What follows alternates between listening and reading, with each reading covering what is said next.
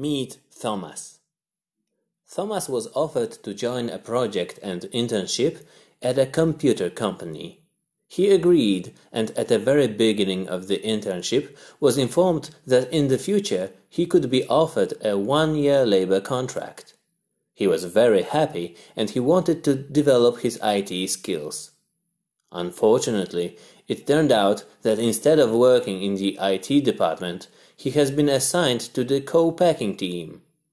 During the practice, Thomas complained that it is very difficult for him to perform the tasks, the efforts he applied were impossible, and the co-packing bored him to death.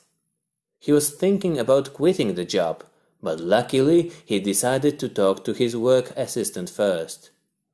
Work assistant encouraged him to ask his manager for transferring to another department.